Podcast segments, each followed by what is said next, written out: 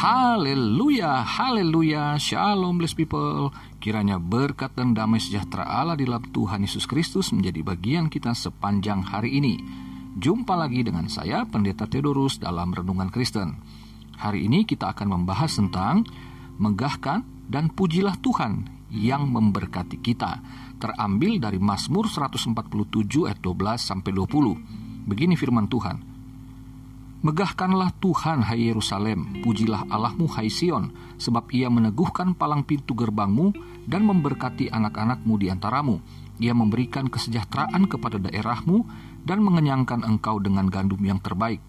Ia menyampaikan perintahnya ke bumi, dengan segera firmannya berlari. Ia menurunkan salju seperti bulu domba dan menghamburkan embun beku seperti abu. Ia melemparkan air batu seperti pecahan-pecahan Siapakah yang tahan berdiri menghadapi dinginnya? Ia menyampaikan firman-Nya, lalu mencairkan semuanya. Ia meniupkan anginnya, maka air mengalir.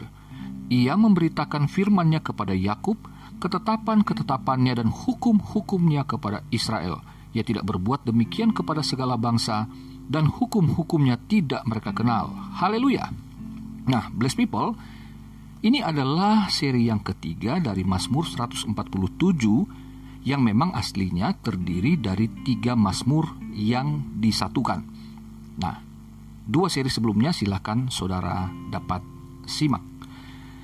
Di sini, di ayat yang ke-12, Yerusalem alias Sion, jadi Yerusalem nama lainnya adalah Sion.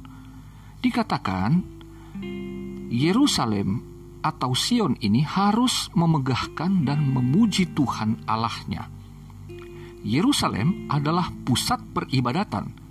Di sana ada bait Allah dan tabut perjanjian yang melambangkan kehadiran Tuhan. Jadi, Yerusalem atau Sion adalah perkumpulan umat Tuhan yang beribadah secara rutin, terus-menerus kepada Tuhan. Saudara, Yerusalem yang pernah terhina telah dipulihkan oleh Tuhan sejak bangsa Israel pulang dari Babel.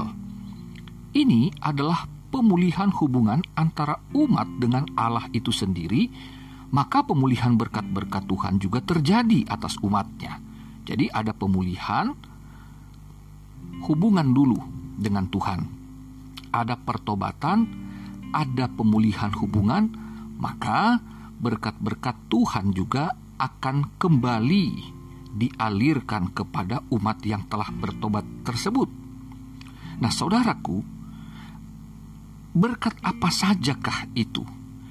Ada tiga berkat Tuhan yang tertulis dari pembacaan kita tadi.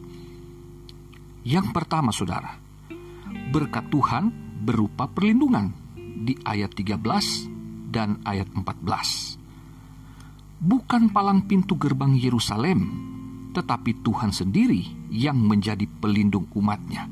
Palang pintu itu hanya gambaran ya saudara, Tuhan menyatakan dirinya yang menjadi pelindung bagi umatnya. Haleluya.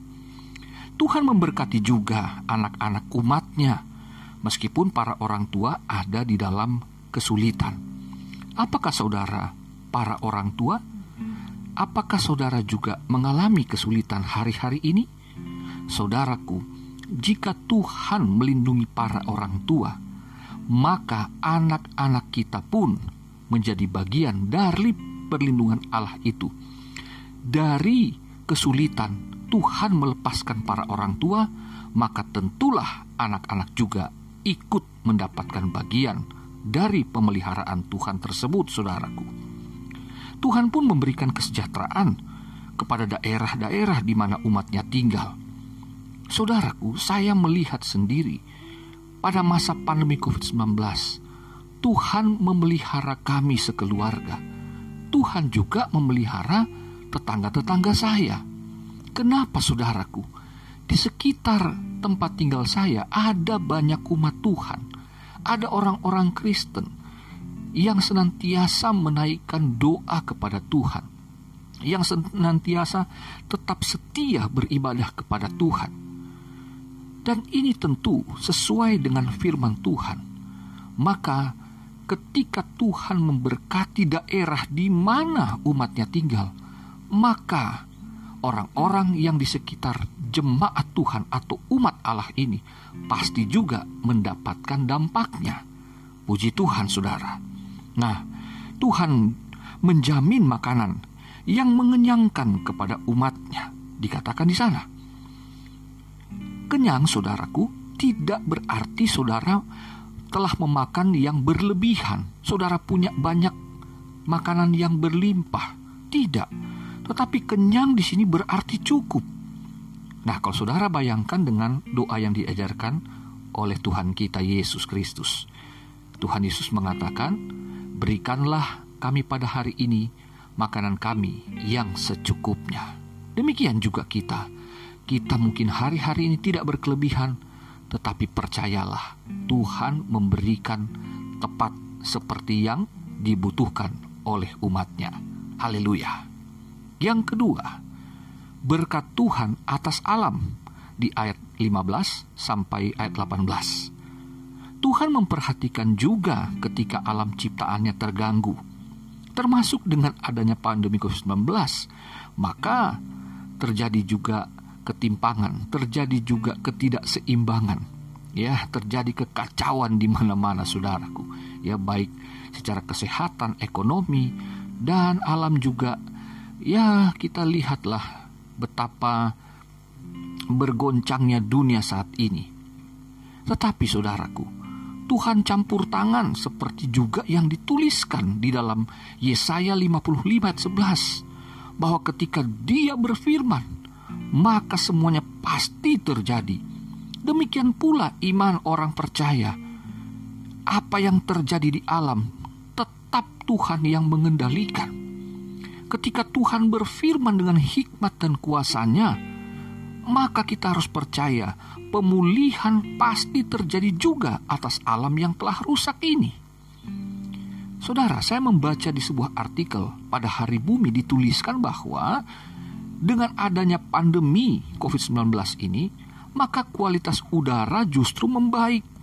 Emisi karbon dioksida berkurang, dunia baru untuk satwa liar, perdagangan satwa liar menurun, dan saluran air mengalir jernih, saudara.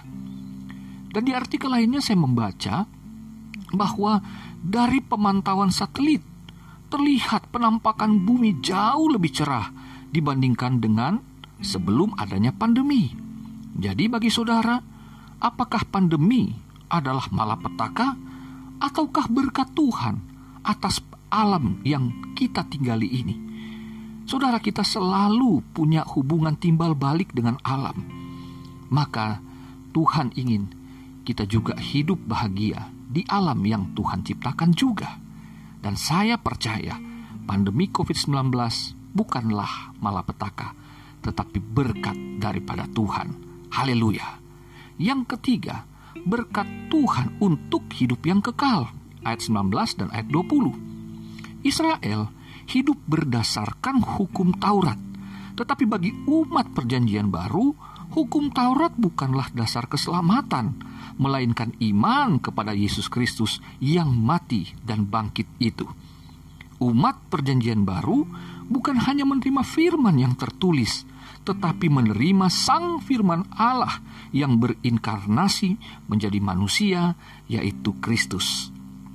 Saudaraku, berkat yang pertama dan berkat yang kedua itu baik bagi kita untuk kehidupan di bumi. Tetapi yang Allah berikan di dalam Kristus adalah hidup yang kekal. Inilah berkat yang terbaik bagi kita. Yuk kita megahkan Tuhan. Yuk kita puji Tuhan karena Dia telah memberikan kita semua yang terbaik karena Dia mengasihi kita.